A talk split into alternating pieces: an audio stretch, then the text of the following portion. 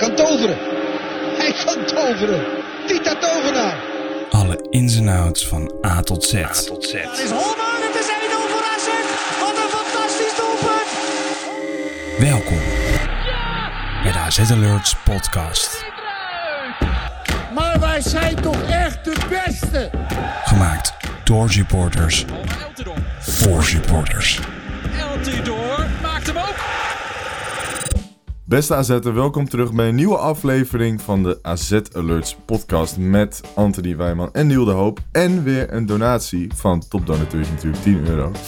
Ja, dat is eigenlijk eh, de enige opsteker van, eh, van afgelopen week. AZ is een club die wordt gekenmerkt door de bestuurlijke rust. Sportief kun je in een crisis belanden, maar de AZ'er kan zichzelf altijd geruststellen door te vertrouwen op de mensen achter de schermen. Het bestuur dat de afgelopen 10 jaar keihard heeft getimmerd aan de club die wij nu zijn. Een club met een geweldige jeugdopleiding, over het algemeen attractief voetbal en een duidelijke visie. Gestage groei om ooit de aansluiting te maken met de traditionele top 3 van Nederland. Die tijden gaan misschien wel veranderen. Of het gelijkspel in Almere, de bekeruitschakeling en het algehele slechte seizoen er iets mee te maken hebben, blijft speculatie. Maar het is een feit dat Robert Eenhoorn volgend seizoen niet meer algemeen directeur is. Boegbeeld van een club die na het afronden van dit voetbaljaar niet meer het gezicht is van alles waar AZ voor staat. Wat gaat er nu gebeuren? Volgen er meer, zoals Max Huiberts? En wie zijn geschikt om AZ naar een volgend niveau te tillen? Ontelbare vragen die door de hoofden van de supporters spoken. Het zijn rommelige tijden waar de AZ er niet bekend mee is. Maar vergeet niet dat er mooie dingen kunnen ontstaan in tijden van crisis. Na regen komt immers zonneschijn. Ja, mannen. Mooi verwoord, Emiel. Het, eh, dankjewel, dankjewel. Het is een, eh, een eh, rumoerige week. Het is al een tijdje rumoerig natuurlijk bij de, rondom de club.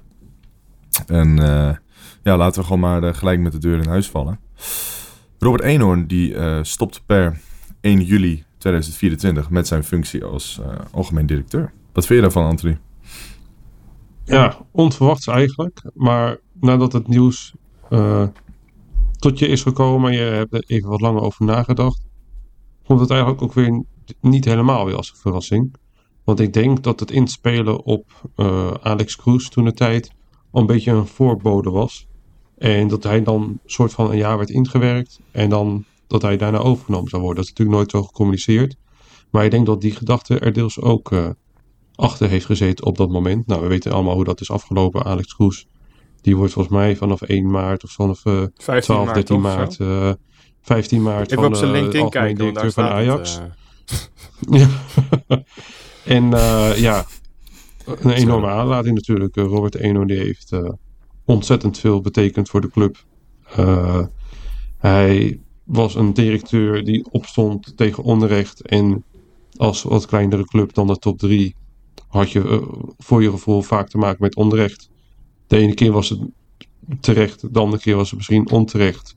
Maar het is positief dat iemand er altijd eh, voor gaat als je je zo voelt. En dat eh, deed hij met al zijn eh, passie en inzet. En als je kijkt waar de club in 2014 stond en nu, dan hebben we natuurlijk een prachtig nieuw dak. Helaas om vervelende reden ingestort. Maar wel daarna weer een flinke upgrade gehad. We hebben onder andere een prachtig trainingscomplex. Jammer dat het in de Zaansteek is. Maar Alkmaar terug zo lang ja, een, een optie in Alkmaar was eigenlijk geen optie. Eh, dus dat heeft hij denk ik wel een eh, juiste beslissing gemaakt. En als je gewoon kijkt eh, in kas hoeveel er op de bank staat, doet hij natuurlijk niet alleen. Het is de andere te- directeuren en het team onder het team, dus gewoon alle medewerkers. Maar we hebben nu gewoon een, een, een, spaarpot van ruim 60 miljoen, waar de afgelopen transferperiode nog bij moet komen. Ja, en dat is natuurlijk eh, ontzettend knap. Ik denk dat er weinig directeuren zijn, eh, ook bij andere clubs, die eh, zo'n prestatielijstje heeft weten neer te zetten. het enige wat denk ik nog ontbreekt is een, een prijs. Ja, dat klopt, dat klopt. Mijn gedachten die gingen eigenlijk qua sportieve prestaties gelijk uit naar Riemer van der Velde. Die was eh, begin jaren 2000 was die directeur van Heerenveen. En die heeft eigenlijk eh, ja, heel die club eh, op de kaart gezet samen met Foppe de Haan. Maar eh, ja, als je erover nadenkt, zijn er inderdaad niet heel veel directeuren die, die het zo goed hebben gedaan. bij hun club. Wat was jouw eerste reactie, Neil, toen je, toen je dit nieuws hoorde? Ik, ehm, ik wa- was... Waar was je? Ja, waar was, je? Nee, kijk, ik weet het minder goed dan... waarschijnlijk wel. Nee. Wanneer was dit nou precies van Eenhoorn? Ik heb geen idee. De exacte, exacte datum. Ik, heb geen, ik wist wel waar ik was eh, Ik twee Gisteren. dagen geleden. met Jansen. Gisteren, Ja, was ik waarschijnlijk bij de McDonald's. Nee. Eh, ja, ik, ik was gechoqueerd, maar niet des te mate gechoqueerd. Tenminste, eh, Dat is trouwens gisteren. gisteren was het. Ja. Nou ja, Het gaat de tijd snel. ik hè? vond het wel, ik vond het wel enigszins passen of zo binnen dat Jansen net weg is. Als er een moment was geweest dat dat Eenhoorn bekend zou maken hij weg zou gaan, is het toch wel in deze periode of zo. Maar aan de andere kant eh, is het wel heel. eh, maakt het wel indruk of zo. Na tien jaar solide, wel, solide eh, bestuurschap gaat daar verandering in komen. Ja, dat is, dat is iets wat ik, wat ik niet helemaal aan zag komen. Nee, maar het is ook... Wij als AZ'er, die... Wij, wij vallen eigenlijk altijd terug op het bestuur als er, iets, eh, als er een beslissing wordt genomen. En, eh, Qua dat is de AZ-supporter heel loyaal aan het bestuur. Ook met de beslissing om Arne Slot toen te ontslaan. Ja, toen zag je eigenlijk overal verontwaardigde reacties in de media. Maar AZ is onderling, die waren tevreden met het besluit van Ja. het bestuur. Want niemand is groter dan de club. En dat is in, principe- in principe de visie die ze... Die eenhoorn samen, eh, die eenhoorn en consorten ja, de afgelopen tien jaar hebben vastgehouden. Dus ja, het is wel eh, zelf, natuurlijk, het komt altijd wel een beetje als een verrassing. Alleen, wat Anthony net ook, eh, ook zei, als je erover na gaat denken, is het denk ik ook wel ja, op zich wel logisch. Bedoel, hij, heeft, hij zit er nu tien jaar. Hij Het is wel echt, dat is echt lang. Misschien Als je, als je voor een bestuurder ja, het is kijkt, is dat echt, is echt lang. Ja. En voor iemand die niet eens uit de voetbalwereld komt en ook, naar mijn weten, niet echt een AZ-supporter is, zoals eh, René Nelissen dat wel is bijvoorbeeld, daar gaan we het straks eh, uitgebreid over hebben. Maar eh, ja, dan, eh, dan snap ik wel dat hij misschien een, een nieuw avontuur of juist eh, wat rust. Dus eh, ja, ik denk dat het op zich eh, na wikken en wegen wel een, eh, een besluit is wat je had kunnen zien aankomen, of wat in ieder geval wel eh, logisch ja, en ik denk ook dat, Misschien nog even... dat Eenhoorn ook wel, ehm, net, als, net als Nelis, maar daar komen we later op terug, eh, een van de weinigen is over wie AZ-supporters eigenlijk altijd eh, positief zijn geweest. Iets wat Huibert natuurlijk de afgelopen periode, eh, of, of dat is eigenlijk elke technische directeur krijgt dat natuurlijk voor zijn, voor zijn schoenen, is dat, dat, dat die toch wel wat kritiek voor zijn kiezen inderdaad, sorry. Ik ben er nooit zo. voor zijn kiezen. schoenen. Sorry, Ehm, moet die krijgen altijd wel wat kritiek over hun hoofd heen. Maar Eenhoorn heeft dat eigenlijk vrijwel tot geen gehad vanuit, eh vanuit de AZ-supporter. En dat, dat is toch iets wat, wat heel bijzonder is als je het vergelijkt met andere ehm topploegen in de, in de Eredivisie. Die toch wel veelal ook kritiek uit op hun algemeen eh, eh, bestuursbeleid. Ja, ja, ja. Wil jij nog wat zeggen, Anthony? Ja, misschien is het toch wel eventjes eh, goed om te vertellen waarom hij is gestopt. Ik heb hier het statement voor me van eh, Robert Eenhoorn. En dan ga ik naar het laatste stukje van de website van AZ. Eh Eenhoorn vervolgt. Tot slot wil ik nog kort even stilstaan bij de reden van voor mijn vertrek. Ik heb me de afgelopen jaar met ziel en zaligheid ingezet voor de club en het verbeteren van de staat van het betaald voetbal in het algemeen. Ik merk bij mezelf echter een bepaalde mentaal moeheid zien intreden doen en dan moet je conclusie trekken. Een club als AZ verdient een volle inzet en ik merkte dat de energie voor mezelf steeds lastiger te vinden bleek. Daarom heb ik de beslissing gepasseerd die nu genomen is. Er is nog geen zicht op wat ik hierna ga doen en om alle speculaties voor te zijn, is er dus nog geen vervolgstap in zicht. Ik ben bovenal ook nog niet weg en zal me tot het daadwerkelijk afscheid voor de volle 100% blijven inzetten voor de club die me zo dierbaar is geworden. Nou, ik denk een eh, mooie afsluiter, goed verwoord. Ja, Eh, zeker. Robert Eenhoorn kennende, als hij zegt: Ik ben niet bezig met een andere club of een vervolgstap, geloof ik het ook meteen, want dat is ook denk ik het, principe deeltje. Eh, eh, iets wat hoog in het vaandel is binnen de AZ-organisatie, is het transparant communiceren. Nou, ik denk dat dit een eh, perfect voorbeeld van is van hoe dat zou moeten. En ja, mentaal moeheid. Ja, als je na een tijdje te lang op een organisatie zit en ik denk dat het bij hem ook deels mee te maken heeft, is dat je vrij lastig de vervolgstap kan zetten naar tradi- traditionele top 3. Daar is AZ gewoon een te kleine club voor. Eh, dat ik wel snap als je helemaal met de Amerikaanse visie wat hij heeft. En dat is altijd tot het hoogste gaan en het best presteren. Dat is gewoon ontzettend lastig. Daar heb je gewoon de beperkte middelen voor bij AZ. Een te kleine achterban. Eh, dan begrijp ik wel heel goed eh, zijn besluit. En ik denk dat het goed is als eh, de supporters hem eh, bij de laatste wedstrijd een gepast afscheid eh, geven. Ja, absoluut. Ik denk dat dat zeker gaat gebeuren. Ehm, ik denk nog als eh, afsluitende anekdote dan. Toen ik eh, uitging, naar, nou niet uitging, maar naar de away day van, eh, van Dundee. Dundee United was het, geloof ik. Toen eh, nou, verloren we dus 1-0. En ehm, toen gingen we in de ochtend gingen we naar het hotel toe waar de spelers liepen met uh, honkbalknuppels. Nee. nee, we gingen daar even wachten om. Want ik wilde eigenlijk vragen of, eh, of ik eh Reinders kon interviewen. Niet helemaal gelukt. eh, kleine sport. Ik heb hem niet voorbij zien komen, althans. nee, die, heeft het nooit het daglicht gezien. Nee, ehm, maar toen, ja, toen liep ook de, de, de TD, of ja, ja, de, de technische staf liep, liep langs. Mhm. En ehm, ik was met Dion en de vader van Dion, Hans. Best wel een bekende supporter onder de, de, onder de diehards, zeg maar Hans Bosman. En, Je kent eh, hem niet. Hans die... ja, dat zou ik oprecht wel durven zeggen inmiddels. Nee, maar Hans die riep iets naar, eh, naar dat groepje. En eigenlijk de enige die, die eh soort van terugliep en, en wat terug zei en echt een, het gesprek aanging was, was Robert Eenhoorn.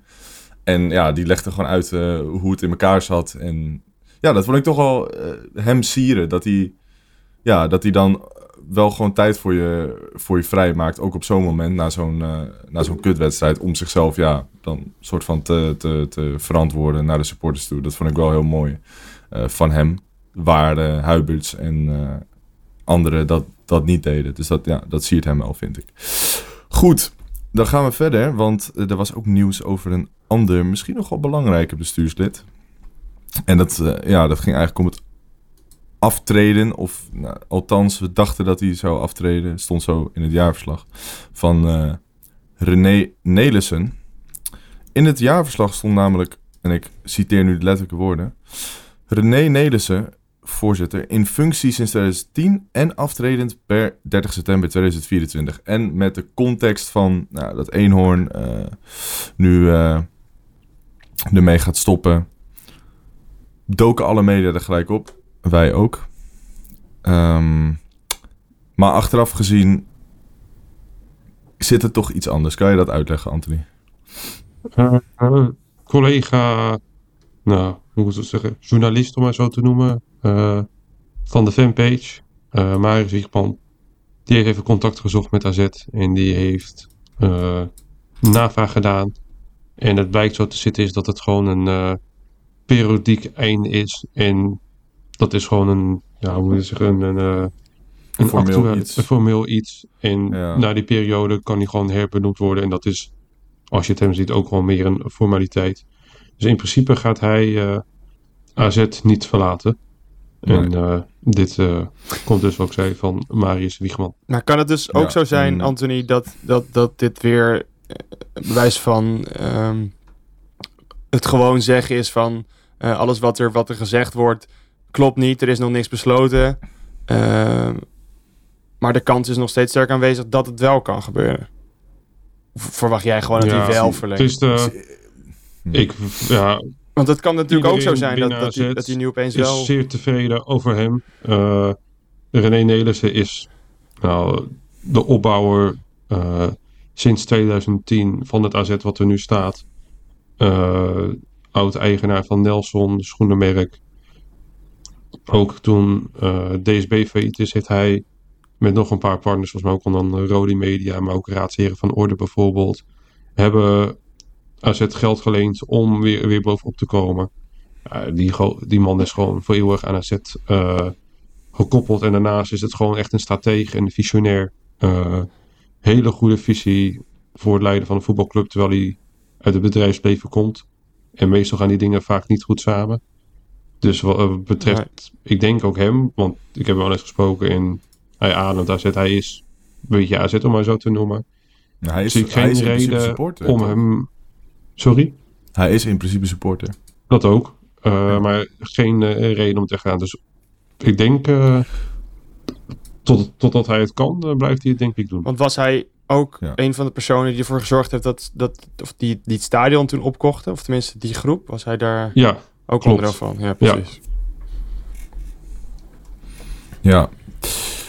Dus voor de duidelijkheid nog even. Nee, ja, in het jaarverslag staat in principe dat hij gaat aftreden. Maar de verwachting is dat hij eh, gewoon opnieuw benoemd zal worden Ja. als eh, voorzitter van Raad van Ja. Commissarissen. en om het nog even eh, extra te verduidelijken. Het stond in het jaarverslag.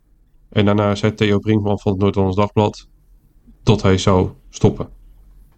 En daardoor Ja, dus. hadden wij het overgenomen. Omdat wij het Noord-Hollands Dagblad en Theo Brinkman een uitstekende journalist vinden. En betrouwbaar. En dan gaan wij ervan uit dat wij het eh, ook kunnen posten. Alleen eh, nu blijkt weer dat je ook wel echt alles moet, eh, alles moet gaan verifiëren. Ja, zeker. Wij kunnen er ook wel eens naast zitten. Dat vergeten mensen soms. Niet. Ja, een het- het hele kleine en nihile Het is nee, ja, maar dat klopt inderdaad wel. Maar ook, ik denk dat het ook veel te maken heeft met de context waarin het nieuws wordt gebracht. Een dag nadat Eenhoorn is eh, opgestapt. Dan, ja, dan, dan, dan, Ja, het was ook niet... als je zoiets leest in, in een jaarverslag, dan ja, ik denk dat dat wel logisch is dat iemand dat dan eh, de wereld in probeert eh, te brengen. Het staat er in principe. Ik bedoel, daar, kunnen we, daar, daar kan je Ja. geen discussie Vanuit over AZ is het gewoon niet duidelijk en goed gecommuniceerd. Want je had er gewoon bo bo erboven het stukje tekst en de kopie moeten zetten, ja, bestuurlijk termijn. Punt. Ja. Was het tien keer duidelijker geweest. Ja, Klaar. dan was het wel wat duidelijk geweest. Maar dat is Maar wel goed, vaker het communiceren. Ik wilde het niet zeggen, maar je vult hem uit. Goed, de grote vraag dan. Wie moet Robert Eenhoorn vervangen? En ja, dan gaan we toch al best wel de technische kant op. Ehm, dus ik hoop dat iedereen het nog een beetje kan volgen zo. Want ik heb hier twee namen staan. Eentje is Arno Vermeulen. Ehm, De witte Ja, Chinees. die- de witte Chinees. Ja, die... die eh, Kijk, de media die verdraait het dan weer heel leuk om eh, door te zeggen dat, eh, dat hij zelf heeft gezegd eh, dat hij geen nee zegt. En vervolgens komt het in de media dat Arno Vermeulen, algemeen directeur... Als, AZ hoeft niet meer te zoeken. Ja. Nee, nee, het is klaar. Ik had het, Arno eh. Ik weet niet of jullie het stukje helemaal hadden gezien.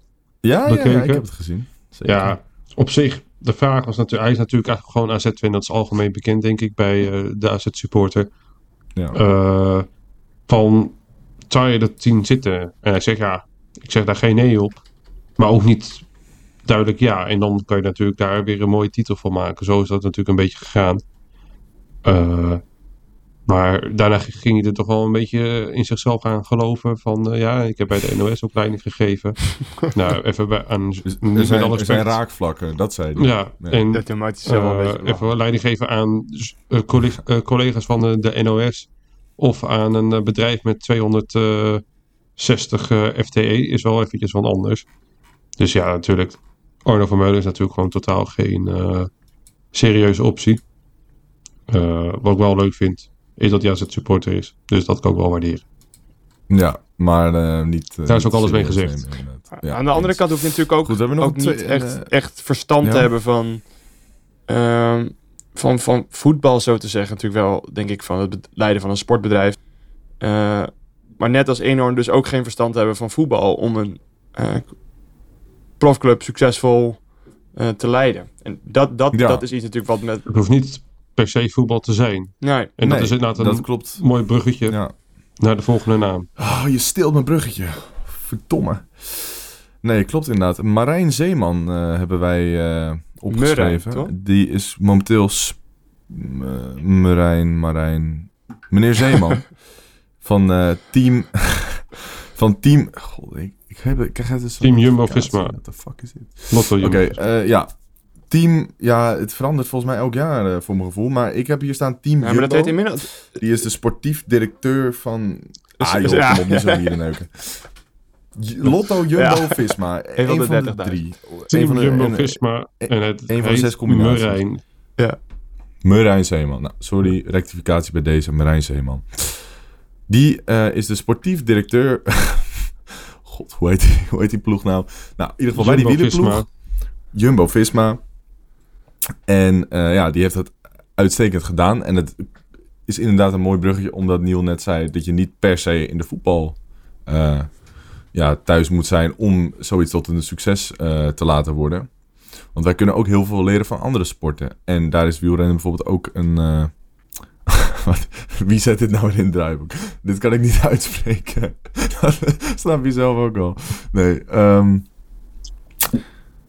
ja, van de wielersport kunnen wij denk ik ook wel veel leren. Omdat het ook. eh, Ja, De wielersport is, je- een vrij, is een sport waar ze best wel ver voor uitgaan in, eh, in technologie, in data, ja in zeker. topsportbedrijven. Dat is best wel heel interessant om te volgen. En Team Ja, Jumbo-Visma eens. is daar wel een... eh, Een schoolvoorbeeld van. ja, inderdaad. dat is wel een, een leidende ploeg. Ik zal niet te Ja, veel in details gaan, maar... Marijn Zeeman doet ook heel veel met data. Dus ja, daarin zijn ze ook best wel eh, meegaand met de tijd, om het maar even zo te zeggen. En hij is ook vorig jaar benaderd door FC Twente. Nou weet ik niet precies wat zijn reactie daarop was, maar het is in ieder geval niet geworden, omdat hij nu nog steeds sportief directeur is bij Jumbo-Visma. Maar ja, het is een, eh, ik denk dat het een interessante optie is. Ik bedoel, eh, Robert Eenhoorn kwam ook niet uit voetballerij, die kwam uit het honkbal. Dus waarom niet? Maar goed, het blijft natuurlijk eh, speculatie. Ja, voor de rest, wie heb je, wie heb je anders? eh? Ja, ik vind het heel lastig. Ik moet nu. zeggen dat ik eh, Ja. niet alle di- algemeen directeuren ken van de andere Eredivisieclubs of erbuiten. Uh, ik maar heb ook, een Joris Matthijs heb ik voorbij zien komen. Carlos Albers, maar die zit nu, al, die zit nu recentelijk... ja, maar dat is, een, dat is een. TD en geen AD. Kijk. Daar heb je een punt. ja, alleen het eh, betreft dit, ja, we kunnen er wel wat zinnigs over zeggen. Alleen ik, het zal me niet Ja. verbazen dat ze gewoon weer buiten het voetbal om iemand gaan zoeken. Net als dat ook natuurlijk Tom Gerbrands vanuit het volleybal kwam. Dus Mhm. dat kan ik wel eh, waarderen. Dus nee, eh, betreft dat alle vertrouwen in René Leversen dat hij een goede, waardige opvolger gaat zoeken. En daarnaast gaat Robert Eno daar ook mee in helpen en adviseren. En dat laat ook maar weer zien eh, hoe iemand wilt aftreden. En dat hij er echt wel de volle 100% inzet in de laatste, voor de la- in de laatste maanden van de club. Het is, Dus dat is ook Ja. weer een eh positief het is iets. wel duidelijk toch dat, dat er externe persoon hiervoor gevonden wordt. Intern is dat al- bij algemeen directeur toch nauwelijks de... Ron Vlaar. Nou, het, kan, het, het gebeurt wel eens hoor, dat er eh, iemand vanuit een organisatie doorgeschoven wordt. Eh, Nou, Huntelaar, die heeft directeur. Ook, nou, Huntelaar was geen algemeen. nee, die is, eh, Huntelaar die was tijdelijk TD geweest. ja, en die is nu verantwoordelijk voor de jeugdafdeling TD. Ja. Maar in ieder geval, ik zie, ik zie bij AZ niet iemand die dat zou kunnen. Nee, precies. Nee. Daarvoor moet je echt wel, ja, inderdaad eh, elders eh, mensen gaan zoeken. Goed, we hebben ook nog gespeeld, hè? Je zou het bijna helemaal vergeten, maar we Helaas hebben wel. gewoon twee wedstrijden Helaas gespeeld. wel. Helaas wel, ja. Ja, Ja, we beginnen met eh Feyenoord uit, bekerwedstrijd. Ehm, ja, we hadden het net voor de podcast al even over. We hebben niet heel veel te zeggen over het spel, want het was gewoon kut. ja. Het was slecht. ik vond het... Goes eh, was het enige lichtpuntje voor mij, maar daar komen we, we zo op. Laten we het eerst even... Ja, vertel maar Anthony, wat vond jij ervan? Ja, ik vond het gewoon. Ik, ik verbaasde me op, van het feit dat we speelden met. eh, hoe heet het? Zonder echte spits. En daarmee bedoel ik een spits als aanspeelpunt. En waarom? Je speelt tegen eh, centrale verdedigers Hansko en Trauner. Hansko. Hansko is vrij snel. Daarnaast heb je ook nog een Hartman. Dus als stel je voor je Pokel komt tussen de linies, moet hij en tegen Hartman sprinten en tegen Hansko. Natuurlijk, hij is iets sneller, maar met positioneren kunnen ze veel goed maken. Je kan de hele Pokel wel afschrijven op de, als spitspositie. En dat is gewoon een hele, hele domme keuze. Die begrijp ik echt niet. Ik had altijd gestart, ondanks dat hij nog geen 90 minuten kan spelen, met Zeefuik als aanspelpunt. Omdat hij ervoor kan zorgen dat de rest omheen beter kan gaan voetballen. En op deze manier ook met Yuki rechtsbuiten, nu net terug is gekomen van de Asia Cup. Rare keuze. Eh Benetta deed het gewoon prima tegen Feyenoord uit. Deelt gewoon als rechtsback. Yuki heeft wel als wissel. En als Yuki wel fit genoeg was voor 90 minuten, heeft hij wel gespeeld trouwens. Ik Maar vond Yuki echt heel, heel, heel- ik weet niet, gewoon Nou, ik vond- sober ik- spelen. ja, en ik vond hem heel blind. Hij wist niet wat hij moest doen. Eh, Zat er totaal niet in. ja, ik, ik- ook natuurlijk geen wisselwerking met Penetra, want op Nee. deze manier hebben ze nooit gespeeld. Heeft Nee. één training op deze manier gedaan. Ja, het schiet natuurlijk helemaal niks op. En dan voor zo'n belangrijke Nee. pot. Als je een lange voorbereidingstijd hebt, dan snap ik dat je het misschien op deze manier wil proberen. Maar niet eh, in dit geval. Yuki, ja, met alle respect, dat kon gewoon echt niet. En dan had ik liever dan Poku op de zijkant gehad. En dan gewoon twee, drie, vier balletjes over de laatste lijn. En dan sprinten. En hopen dat er iemand voor staat om binnen te pissen. Maar op deze manier wist je vooraf al. We zeiden het in de auto al van kansloze missie om eh, op deze manier de wedstrijd in te gaan. Dan ga je gewoon niet winnen. En Ja. het enige wat al duidelijk was natuurlijk, het zijn de vorige podcast al, dat uh, Ryan op doel eh, ging. Ja. eh, nu is. Ja, keepend is natuurlijk gewoon een prima keeper. Alleen Feyenoord was natuurlijk deze wedstrijd een stuk beter dan de thuiswedstrijd eh, tegen Feyenoord. En wat word ik toch zenuwachtig als Ryan mee gaat voetballen. En hij, hij kan best aardig mee voetballen. Maar als je dan net een paar wedstrijden ervoor al mee hebt gehad, is dat toch wel een verademing er mee kan, Ja, mee voetballend. Ja. Weet je wat mij het, het meest opviel? Het, het, het zo simpel en effectief druk zetten van Feyenoord... dat het leek alsof ze bijna niet eens moeite deden om AZ onder druk te zetten. Ja. Als je Klaasie uitschakelt in de opbouw... haal je de hele angel uit het spel van AZ. Zonder Klaasie kom je nergens. Je komt er niet via de flanken. Al zou je denken dat het in principe wel zou moeten lukken, maar... Ik heb zoveel ballen gezien van Bazoer op Müller-Wolfen... dat hij hem eigenlijk in de loop moet geven... zodat hij net even iets sneller is dan, eh, dan eh, Nieuwkoop... die zijn directe, directe tegenstander was. En dan geeft hij hem weer een beetje ja, slap achter de man. Zo kom je nooit verder. En eigenlijk ging de, de hele eerste helft ging dat zo. Het waren alleen maar... Gewoon, gewoon geen goede ballen. Niet in de loop of, of, of strak in de voeten, voeten. Het waren alleen maar ja, laffe balletjes. En daar, tegen een Feyenoord zeker in de Kuip, die als het publiek erachter gaat staan, dan, ja, dan sta je gewoon, eh bij wijze van spreken, 75 minuten met je, met je rug tegen de muur. Dan moet je echt die ballen goed gaan geven, zodat je die opbouw kan verzorgen. En dat gebeurde gewoon niet. En nou, het was echt gewoon een beetje triest om naar te kijken, die eerste helft. Je, je voetbalt gewoon 20 minuten bijna in je eigen 16, Ja. zo wat leek het wel. En je komt nou en, als je dan een kans hebt om, om een lange bal te geven, ja, je zei het net al, Poku. Je moet dan een duel gaan winnen van Trauner en Hansko. Dat gaat Ja, hij had een hele werken? slechte aanname wederom. hè. Dat kan je toch van tevoren al Hij had elke bal die hij maar ja, maar aangespeeld al, kreeg. al, al had hij een goede aanname. Al er hij staan een er gewoon aanname, twee beste centraal verdedigers van de, van de Eredivisie staan daar dan.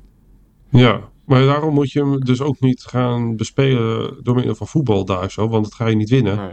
Nee, je moet het fysiek uitspelen en daarom had je met Zeefuik moeten starten. Want die Zeefuik, die, nou met gemak wil ik niet zeggen, maar die gozer is beren sterk. Dat is echt bizar. Zo. Die- maar hij viel die- goed in, hè? Hij viel, Hij echt viel goed in. erg goed in weer, maar die kan ervoor zorgen dat ze na het voetballen, want Zeefuik kan ook best aardig tikken nog, wat me positief verrast.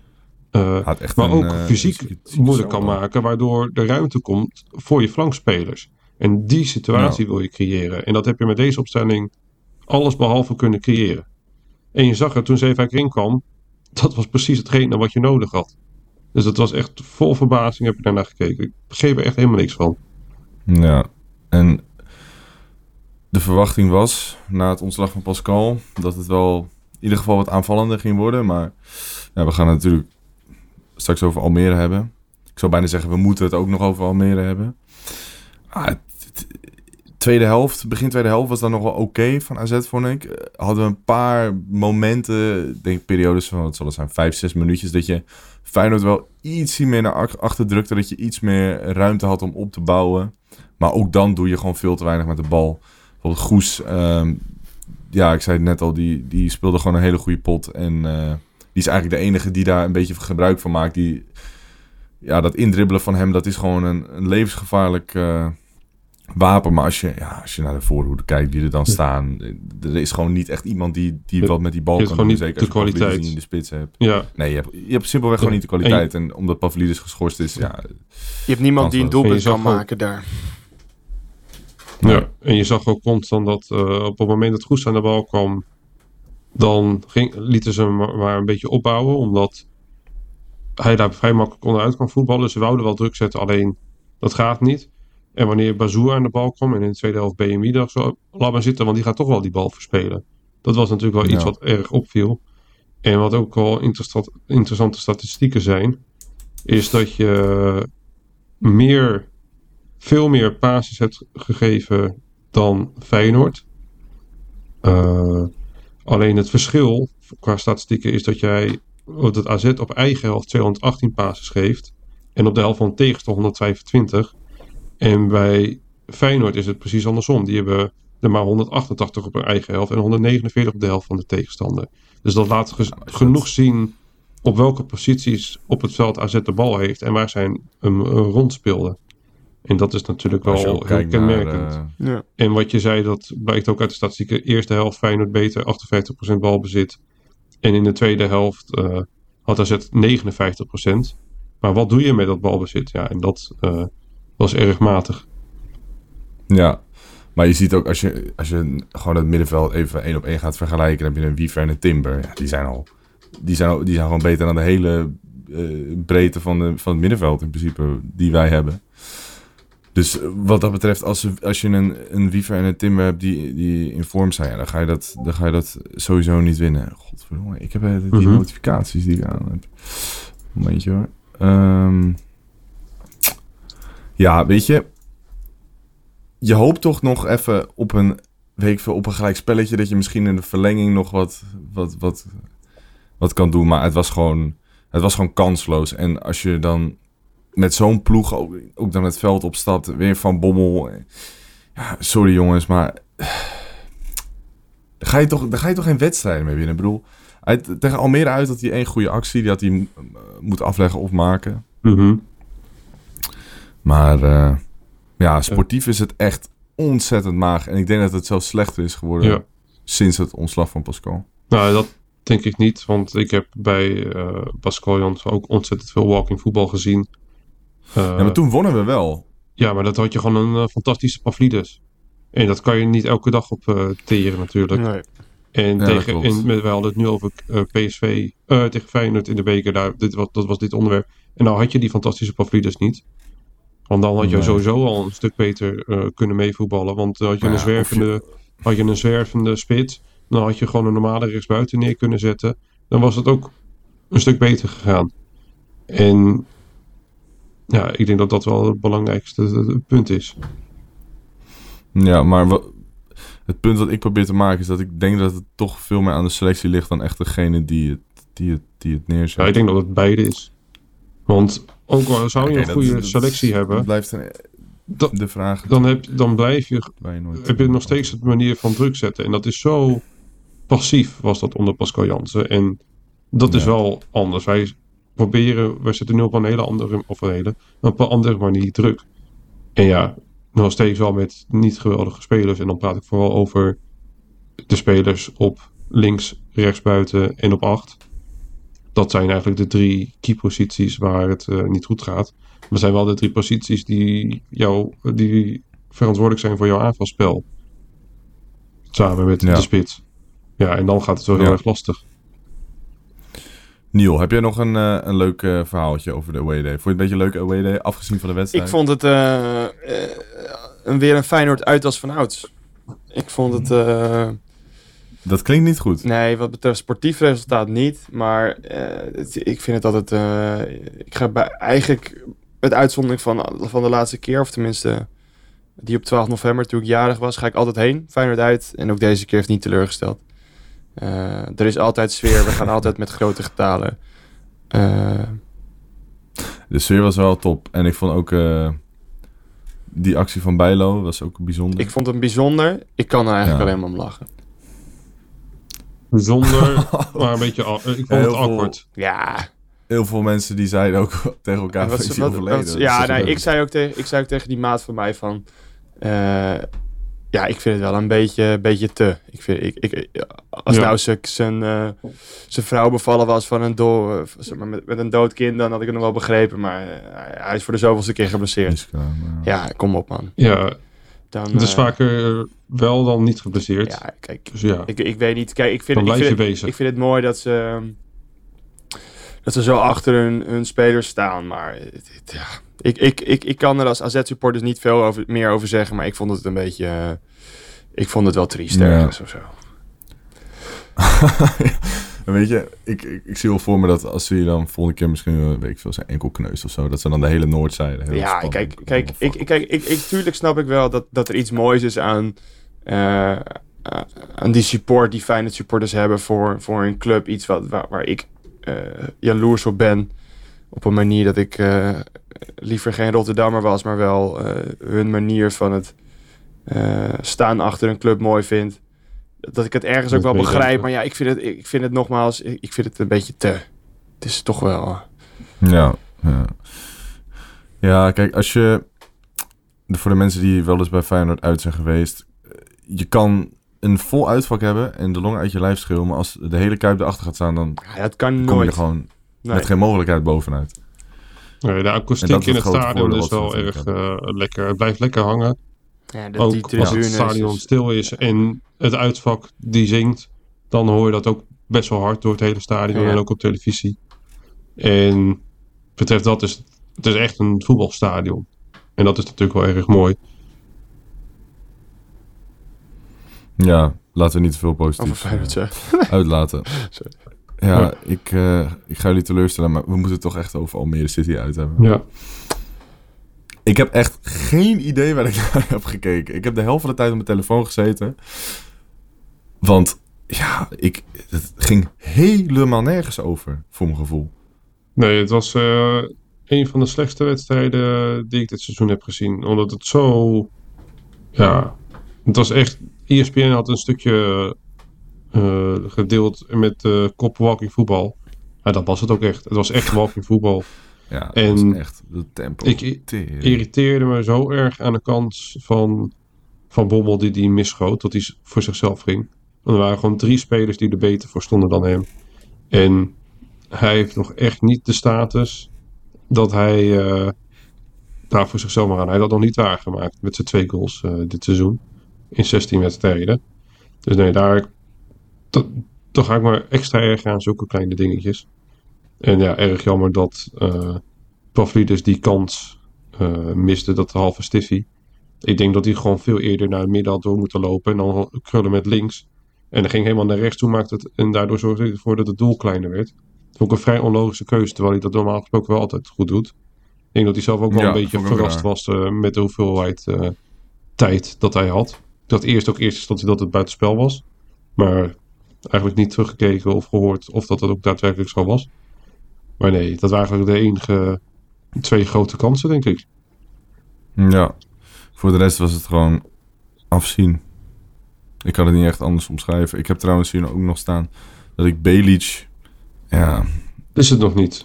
En nee, nee, hij is gewoon nog niet goed Ja. genoeg. Eh, Bij Partizan was het de beste speler, maar ik zie dat ja, wat niet ik, wat ik met Ja. Belic vind, is dat ik wel het gevoel heb, wat ik bij, in tijden bij spelers niet gehad heb, dat je wel gelijk ziet dat hij ergens toch wel een, een impact achterlaat. Ik vond dat hij niet heel veel Ja. tijd nodig had om, eh, om te zeggen van, hé, hey, eh, hij staat er en hij is niet onzichtbaar bij wijze van. Het is gewoon niet... Nee, maar het is, hij het is is zichtbaar in de zin van dat hij echt als een idioot soms erin Ja, nee, maar, Ja, maar hij is heel slordig in zijn passing. Maar wat, wat ik voornamelijk vind is dat hij...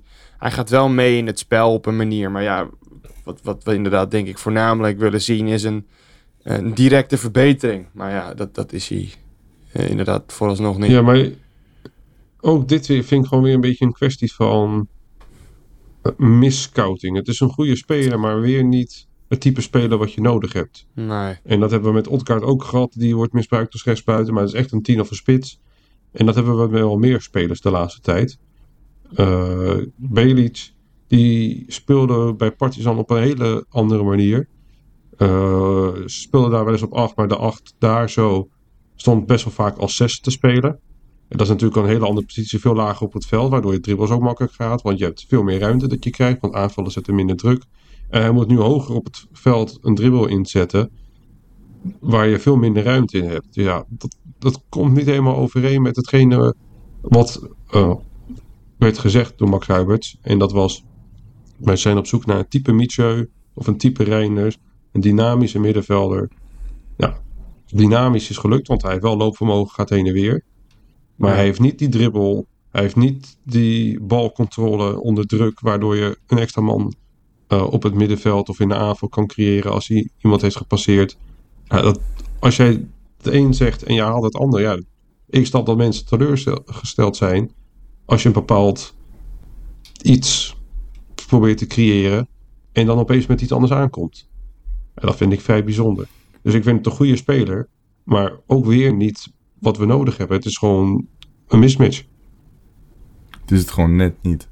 En zo zijn er wel Ja, meer spelers. niet wat we eh, nodig hebben. Die aan die, eh, nee, die, aan die eh, omschrijving voldoen. Willen we nog iets kwijt hierover? Of zullen we lekker beginnen met Ik voorbeschouwing? zou alleen nog willen zeggen is dat het zijn felheid en het, het, het, het passie waarmee hij voetbalt wel heel erg aanstekelijk is.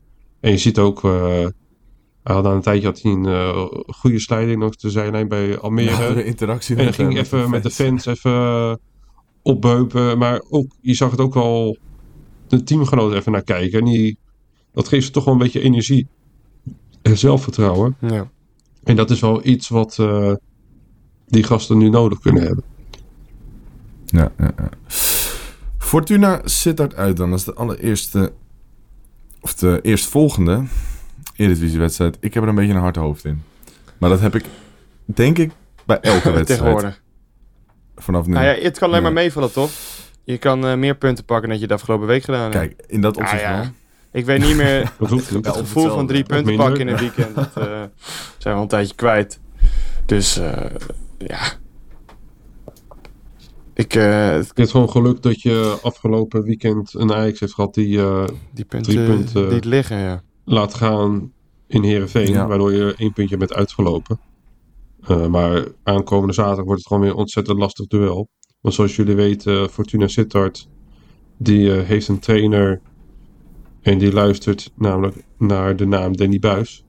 En die staat Ik wilde net zeggen, luister je naar de AZ podcast? Dat ook. Het zal toch niet? staat als favoriet. Alleen die staat er natuurlijk wel onbekend om een goede organisatie verdedigend. Anders verwoord, het wordt weer, weer ontzettend lastig om er doorheen te komen, denk ik. En dat ligt weer precies niet onze kwaliteit. Ik wil net zeggen, laten we daar nou net niet goed in zijn. Dus ja, ik verwacht ook een, eh, een wedstrijd waarin we veel de bal hebben, maar weinig creëren. Net zoals Ja. tegen Almere uit. Alleen dan, je hebt wel nu een Fortuna Sittard en die hebben wel veel meer kwaliteit voorin om dan in een counter of... Ja, wie weet, misschien pakken ze wel... eh, nemen ze wel eh, het initiatief eh, in de wedstrijd. Ik, ik, Ja. ja, je kan het gewoon niet voorspellen op het moment hoe wij Ik eh, verwacht dat Ja. voor de dag gaan komen. AZ gewoon ontzettend veel de bal heeft. Constant gaat lopen breien. Fortuna Sittard gaat 2, 3, 4 kansen hebben op de counter. Nou, dan is de vraag, gaan ze erin ja of nee? Maar in principe eh, zou je de bovenliggende partij zijn zonder echt grote kansen te creëren. En dan hopen op een bevlieging van eh, onze Griekse god Pavlidis. En dan gaan we er daar gewoon met de winst door 0-1. Dat is echt zo triest voor Fortuna Sittard uit. Ik heb hier ook trouwens staan. Alleen nog maar competitiewedstrijden in februari is heel droevig. Puntje, puntje, puntje. Heb je dat al beseft? We liggen uit de beker, we liggen uit Europa in een Ja. pool waarin je door moet gaan. Nou, een van de Dat doelstellingen is natuurlijk eh halve finale beker halen. Ja, die is niet Ja. gelukt. Ja, kijk, ik weet niet of je dat nou. Ja, ik vind het wel altijd lastig kan bij de beker, omdat je gewoon het geluk Ja. moet hebben met de Je loting. kan al in de is achtste Al finale heb je in de, precies tegen een goede club komen, dus dat is gewoon lastig. Maar wel weer dat het niet lukt. En als het er zo doorgaat, eh, is de kans vrij realistisch dat je straks een vijfde wordt. Dan heb je ook die doelstelling niet gehaald. En dat is natuurlijk wel eh, Ja. pijnlijk. Dramatisch. eh. En dan moet je geluk hebben dat Feyenoord de beker wint. Om dan eh, naar de Euro Europees te gaan zonder play-offs. Nou, ik denk niet dat je daar geluk mee moet hebben. Want als je kijkt naar de ploegen die nog over zijn. Feyenoord trouwens eh, spelen voor het eerst thuis Ja. in de beker. Tegen je hebt Groningen nog, Cambuur en Vitesse. Of nee, Fortuna Sittard dacht ik.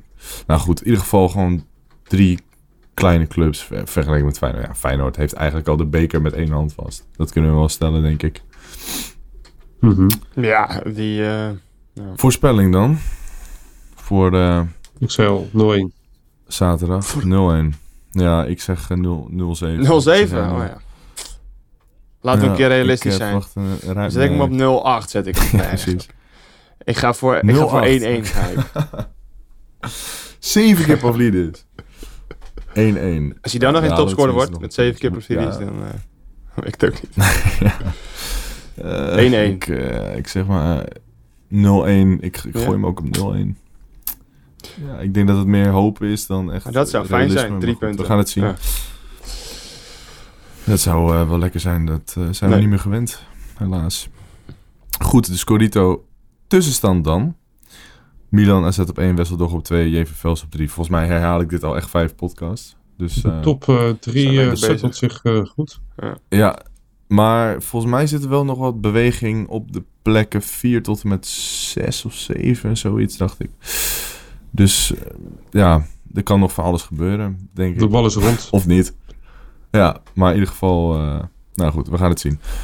Bedankt voor het luisteren naar deze editie van de AZ Alerts podcast. Volg ons even op Instagram en X, om niks van het laatste AZ nieuws te missen. Doneren kan via de link in de X bio. En dan zou ik normaal zeggen, op naar de victorie. Maar ik wil even de tijd nemen voor iets speciaals. Want we hebben het al in deze podcast over gehad. Maar in tijden van sportief stuntel slash sportieve crisis... hoop je natuurlijk altijd op een lichtpuntje. En dat lichtpuntje is voor ons Wouter Goes. Dus in het kader voor Valentijnsdag een liefdesbrief naar Wouter Goes. Geschreven door onze Thomas en opgenomen door audiotovenaar Walter. Enjoy. Staat hij aan? Ja? Oké, let's go. Lieve Wouter, het is alweer een jaar geleden. De eerste keer dat we je zagen spelen. Op een koude februariavond was er één speler die ons hart verwarmde. Jij, Wouter Goes. Jij en niemand anders. Hoe je lange bruine haren sierlijk wapperden bij een sprint. Hoe je de bal over 40 meter perfect op de schoen van onze spits legt. Hoe elegant je er zelf nog uitziet als je de tegenstander stampt op zijn voet. Het was liefde op het eerste gezicht. En verliefd, dat zijn we nog steeds. Elke keer dat jij niet bij de selectie zit, breekt er een stukje van ons hart af. Wij hopen dat jij het hart van onze nieuwe coach net zo verovert als dat je bij ons hebt gedaan zodat we je elke week kunnen laten zien. Maar jouw delen, dat willen we niet, dat kunnen we niet en daarom stellen we je nu de vraag. Lieve Wouter, wil je onze Valentijn zijn?